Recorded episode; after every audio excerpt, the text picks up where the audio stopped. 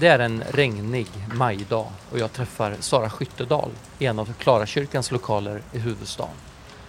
Sara är uppvuxen i Haninge, söder om Stockholm, som hon själv beskriver som ett utanförskapsområde och som hon menar har påverkat henne i det politiska arbetet. Redan som 16-åring blev hon medlem i Kristdemokraterna och har bland annat varit ordförande för ungdomsförbundet och kommunalråd i Linköpings kommun. Sedan 2019 är hon Europaparlamentariker för sitt parti. Hon är också kristen och sedan tio år tillbaka när den här intervjun görs en praktiserande katolik. Välkommen till ytterligare ett avsnitt av podden En kristens resa. Hallå! Hej! Hej, välkommen! Ja, inte välkomnande med. Nej, du säger det. Jag vill inte Den här går i baklås, den här dörren.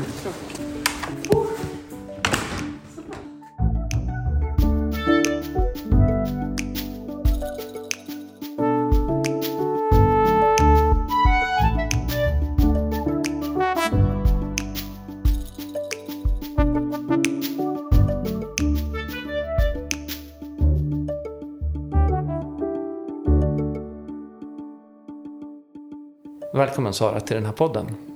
Tack så mycket. Du, din kristna tro, vad, vad betyder den för dig? Men den är väl en bas för, eh, för allting. Eh, för mig så tror jag att det är viktigt eh, och jag tror att det, är, det har blivit viktigt för mig också i rollen som beslutsfattare och förtroendevald för att man det blir också en ram eh, Eh, där man kan, vad ska man säga, få eh, ett mått av ödmjukhet som jag tror är väldigt viktigt i en situation där man har väldigt mycket makt till vardags. Att, eh, eh att inse att man är en del av någonting större eh, som, som jag tror är nödvändigt eh,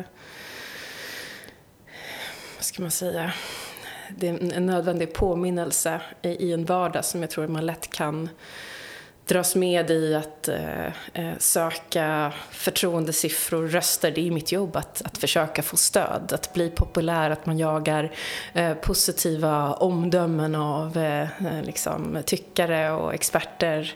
Eh, och att i den där jakten så tror jag det är lätt att tappa bort sig. Men om man har en, en tro på, eh, på Gud så tror jag att man, man inser att det finns något annat som man, man kanske främst ska söka och att det är något nyttigt eh, för mig. Eh, och jag tror att det är nyttigt för många. Ja. Mm. Eh, vad har den för uttryck i ditt liv? Det... Som katolik så, så, måste man, så går man i kyrkan. Eh, sen, sen händer det att jag missar söndagsmässan eh, i och med att jag reser väldigt mycket i, inom ramen för, eh, för mitt jobb. Men jag tror att man hade tappat väldigt mycket av, av det kristna livet om man inte var del av av församlingslivet. Och just att jag märker ganska tydligt när jag inte eh, om jag har missat mässan för lite många gånger så kommer man tillbaka och då inser man att man, man kanske har tappat sig själv lite grann mm. eh, i det hela. Eh, och, eh, och just mässan, vad är, det, vad är det i mässan som, eh, som du uppskattar? Jag tror att det jag uppskattar mest är just att komma och känna att jag är en från att ha kommit från en, en vardag där man just är eh, jagar, eh, jagar förtroende, inflytande, eh, makt. Mm. Eh, och, och liksom bara, man, är, man är uppe i liksom allt det världsliga. Att, att få landa och, och då vara bara en av en miljard katoliker som vid samma tillfälle möts och eh, är liksom eh, ofullkomliga. Man är, en, eh, man, är en, eh, man är en syndare. Man inser att man, eh, man, man, man söker eh, försoning. Och eh, jag tror att det, det är liksom... Det, jag, jag, märker väldigt tydligt att det är skillnad för mig ifall jag inte är en del av, en del av det till vardags. Ja, just det. Mm.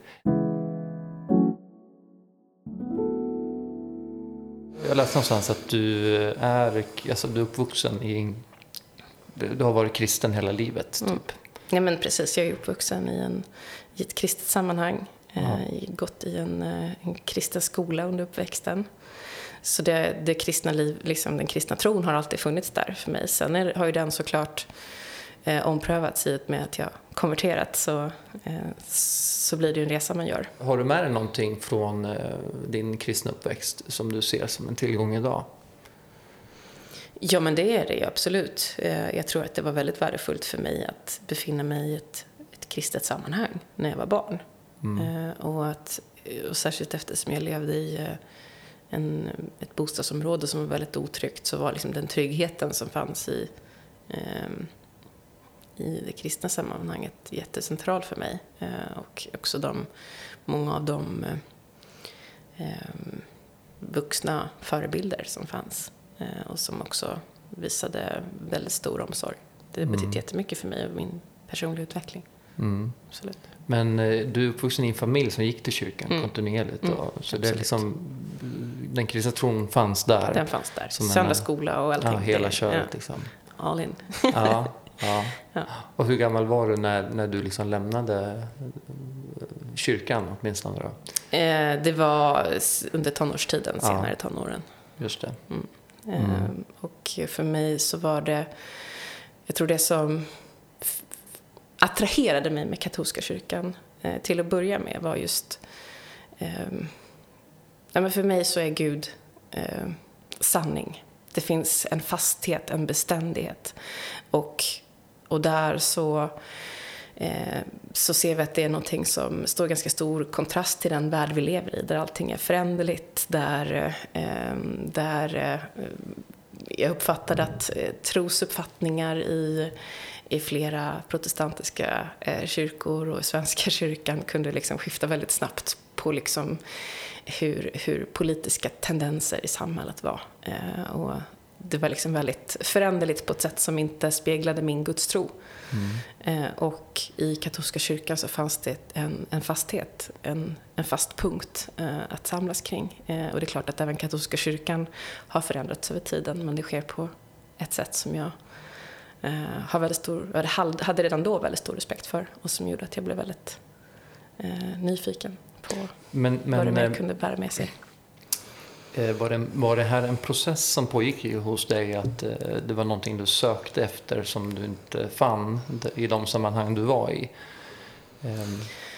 Jag tror, jag skulle säga att jag, jag hade en, en period där jag varken var aktiv i ett tid, tidigare kristna sammanhang jag uppväxt i. Eh, och innan jag fann, ehm, fann ett, ett nytt hem i och konverterade. Och att, att, konvertera är ju en ganska lång process. För min del så tog det två år från att jag började, eh, började resan till att jag blev upptagen i katolska kyrkans fulla gemenskap.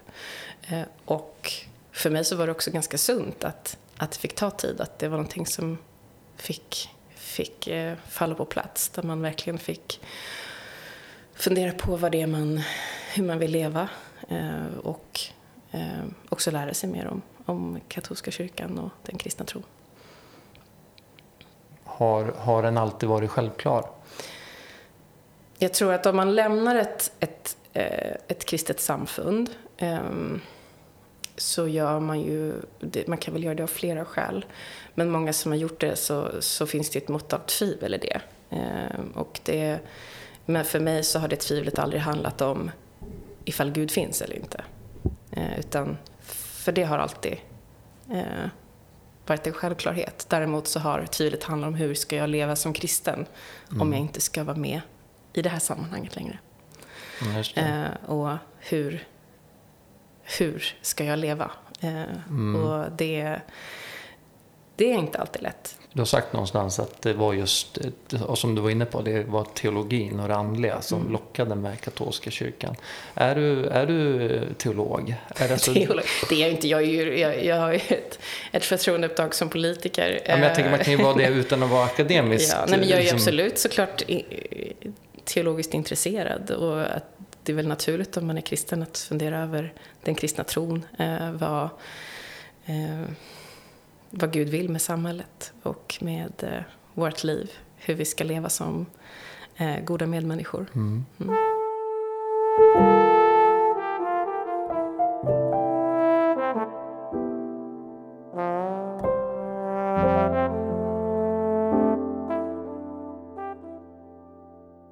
Har det format eh, dina politiska åsikter någonting tror du? Så här, eh, det, är, det där är alltid en liten knixig fråga som kristdemokrat för att det är många som har bilden av att man måste vara kristen för att eh, vara med i Kristdemokraterna och att alla som är medlemmar i Kristdemokraterna och till och med röstar på Kristdemokraterna är kristna. Så är det ju inte.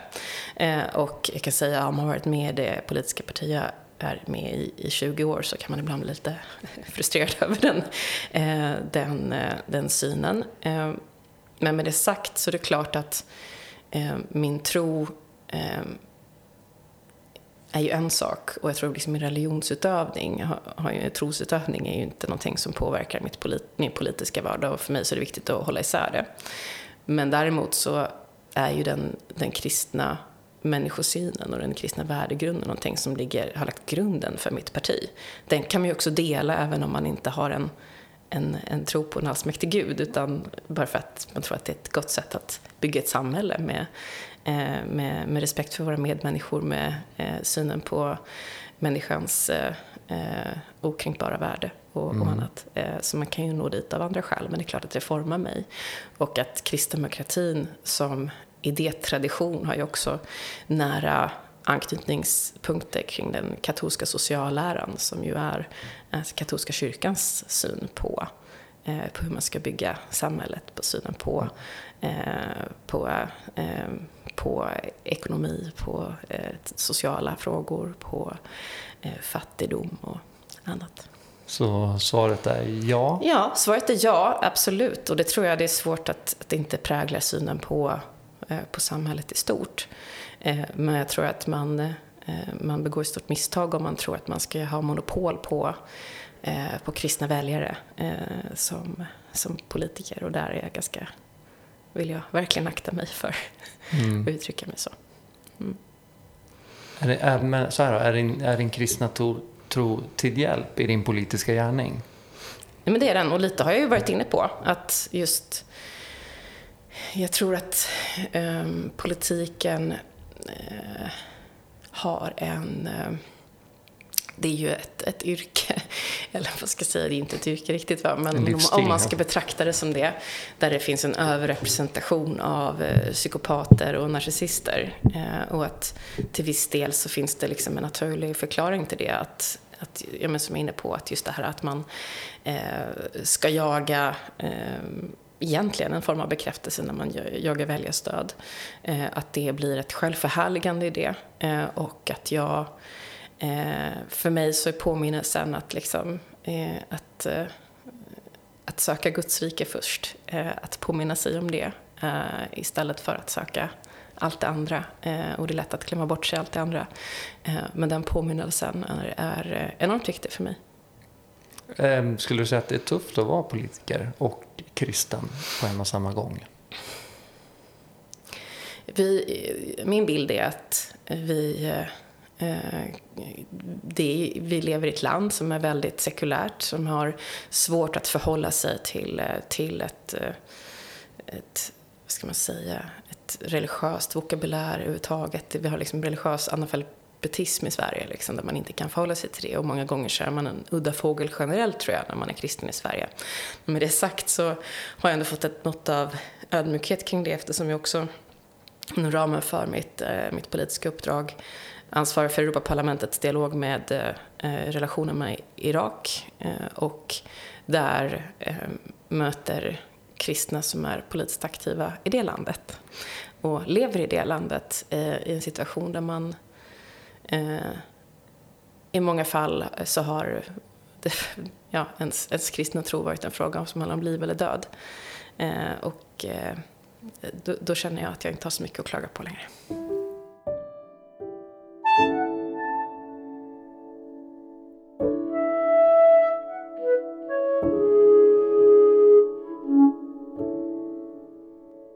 Du reser ju väldigt mycket. Mm. Eh, Tycker du att det är en märkbar skillnad? Eh, vad ska man säga? Eh, klimatet eller kulturen och eh, det här med att vara kristen och politiker. Är det annorlunda utanför Sverige? Det är ju inte en så stor... Eh, det är inte sån big deal i andra länder kanske. Det är ju en naturlig del av att vara en del av ett samhälle i många fall. Där den, eh, det kristna eh, tron är en naturlig del av flera människors liv. Eh, en integrerad del. Eh, och jag uppfattar inte att det anses vara lika märkligt på andra håll. Nej. Kan det till och med vara belastande att vara, vara bekännande kristen? Jag tror att det finns de som saknar en, en förståelse för det, absolut. Och det är klart att man har mött det. Det tror jag alla som kristna har, har någon gång mött det. Absolut. Kan du känna, finns det någon styrka och samhörighet med, med andra kristna politiker? Det kan man absolut ha. Eh, och jag vet också att men det är många kristna politiker som, eh, som också söker sig eh, samman. För mig så har jag tillhör jag en av de som ändå vill, vill hålla isär min trosutövning med mitt, mitt politiska uppdrag. Eh, och jag, faktiskt, jag, jag tillhör de som aldrig till exempel deltar på olika typer av bönemöten eller gudstjänster som sker i samband med politiska sammankomster. För mig så, eh, så har det varit viktigt att hålla isär det. Mm. Um, och att det, det, är någonting som har varit sunt för mig, att det här, att mitt, mitt kristna liv, eh, inte så att det, det är bara privat, för det, det kan det aldrig vara, men, eh, men att det inte får eh, tränga in sig för djupt in i de politiska sammanhangen. Eh, jag har aldrig känt mig bekväm med det. Och jag kommer också från ett kristet eh, sammanhang där man hade bönemöten för att borgerligheten skulle få makten. Och jag, jag tycker att borgerligheten absolut ska få makten. men men eh, eh, jag tänker att eh, som eh, Eh, som, som kristen kanske man ska be om, om Guds vägledning och snarare än att eh, ha en önskelista om att få ett visst väljarutfall. Att göra det tillsammans med andra kristna, eller med andra, ja, med andra kristna politiker, det, det, det, liksom, det känns inte rätt för dig? För mig känns inte det rätt. Jag har, jag har däremot jättestor respekt för dem som, som känner en trygghet i det och en samhörighet i det. Och jag ser också att det finns ett genuint, någonting väldigt fint i det, eh, de som söker det. Men för mig så eh, så har det, har alltid känts, det har alltid känts fel. Eh, och jag kan inte förklara, jag säger inte att nej. det är fel, utan nej, det, har, det, är, det, är, fel för mig. Mm. Det har inte varit ett sätt som jag har ansett eh, vara ett, ett sunt sätt att, att utöva min tro. Utan jag, jag föredrar helst att sitta nästan lite sådär för, i, vad ska man säga, i förklädnad liksom, på söndagsmässan mm. för att inte liksom, bli, bli bedömd som, som politiker, förtroendevald offentlig person. Eh, där, utan att få vara där som en människa i all ofullkomlighet.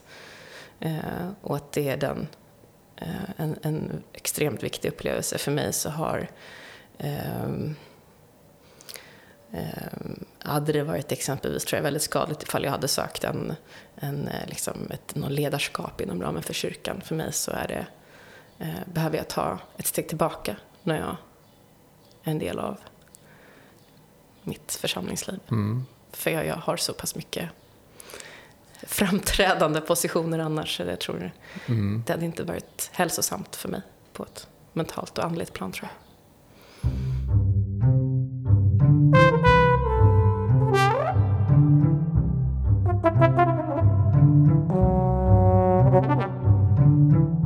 För några år sedan så läste jag att du pilgrimsvandrade. Är det mm. någonting du brukar göra? Eller var det en så här engångs... Ja. Du var norra Spanien nära? Ja, precis. Jag vandrade till Santiago de Compostela. Eh, började i Frankrike, Saint-Jean-Pied-de-Port och gick eh, 80 mil eh, under en månads tid. En av de mest fantastiska upplevelser jag har varit med om. Du gick själv? Jag gick själv. Jag tycker att eh, om man ska göra det så skulle jag rekommendera att man gör det själv. Um, därför att det är så man verkligen får den fulla upplevelsen av att, av att göra det. Både eh, i den andliga resa som det innebär, men också den, eh, den sociala gemenskap som det innebär att, att möta människor som alla tagit sig till den här vägen. Alla de hundratusentals människor som varje år går, eh, går Caminon, som det kallas. Eh, och som tar sig dit av väldigt olika skäl, har olika bakgrunder men som alla gör samma resa och ofta har en väldigt intressant livsberättelse att dela med sig av. Eh, för mig så fann jag väldigt goda vänner som är mina, några av mina närmsta vänner än idag. som då inte bor, inte är svenskar, mm. utan bor i andra delar av Europa. Men eh, enormt värdefullt eh, och fantastisk upplevelse. Vad var, det, vad var upprinnelsen till att du beslutade för att göra en sån grej? Jag tror att många börjar den resan eh, när man befinner sig i någon form av vägskäl i livet. Eh, mötte många som precis genomgått skilsmässa, fått blivit av med jobbet, eh, haft någon nära eh, eh, någon i närheten som, eh, eh, som har brutit kontakten med eller liknande. Eh, för min del så, så eh, hade jag under den senaste tiden eh, lidit av en depression. Eh, som, och jag kände att jag, jag, jag, jag tänkte att det här skulle vara ett sätt att, att finna eh, finna svar, hinna bearbeta saker på, på flera plan. Eh, och jag tror liksom både, både fysiskt, själsligt och andligt så är det någonting som är positivt att, att, eh, att göra den typen av vandring. Eh, och det var det verkligen också. Sen under resan så, bara efter en vecka, en vecka in så var det en, eh, fick jag meddelande om att en, en god vän till mig hade avlidit hastigt mitt i natten. Ehm, som, ja, helt, bara, helt, bara, bara lungorna kollapsade helt plötsligt utan ja, någon förvarning mm. helt enkelt. Um, och uh, som bara var 35. Um, hade två barn och så. Vi hade planerat någon gemensam resa uh, bara några månader senare. Mm. Så det blev också att vandringen, under den vandringen fick jag också bearbeta sorgen över den förlusten och den vänskapen. Ehm, och eh, med hjälp av de personerna som jag också mötte där så blev det ett väldigt värdefullt sätt att, att hantera det. Men ja, det kommer nog ske att jag vandrar igen. Men eh, jag skulle också säga att det är för att jag tror det är många som reser och bara gör en sista, de sista dagarna, de sista tio milen som man behöver göra för att få sin kompostella. Eh, men jag skulle nog rekommendera att göra det ordentligt om man inte bara, eh, inte bara några dagar utan att avsätta lite tid.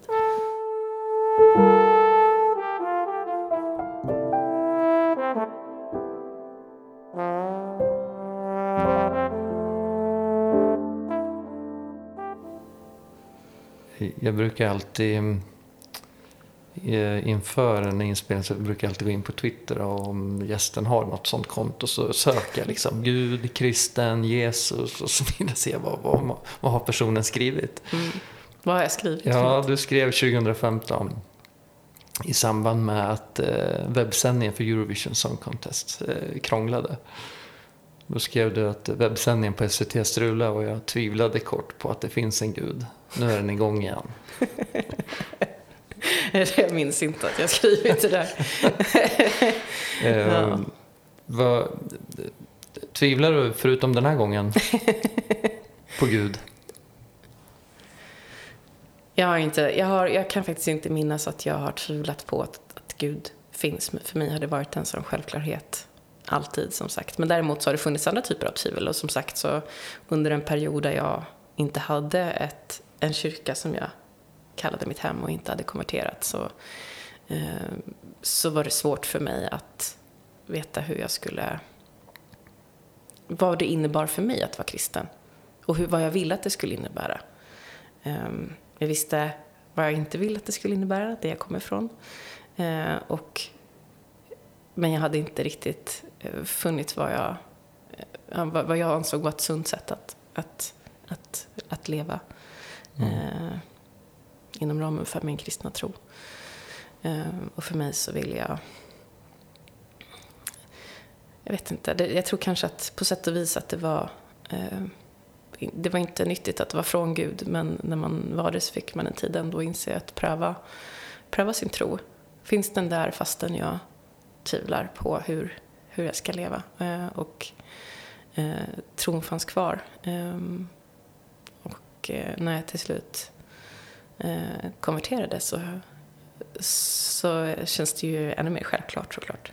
Du hittade ett andligt hem. Absolut. Mm. Mm. Och idag är kyrkan eh, ändå väldigt viktigt för dig.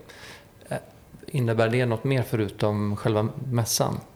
Jo, men det är klart att man har sen det är klart att jag har ett, ett liv som, som kristen till vardags. Eh, att inom ramen för, eh, för min familj, eh, att uppfostra mina barn i den kristna tron. Att, att leva med, med bönen i, eh, till vardags är, eh, är viktigt. Och jag tror det är ju just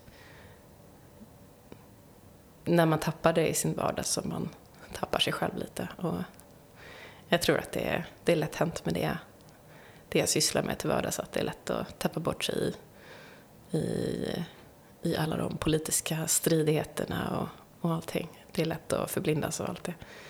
Så, men då, det märker man. Mm. Vad gör du då i framtiden? om fem år, om tio år? Vad ser du dig själv? Är du statsminister då eller? Nej, det tror jag inte att jag är. Jag är lite för uh, knepig.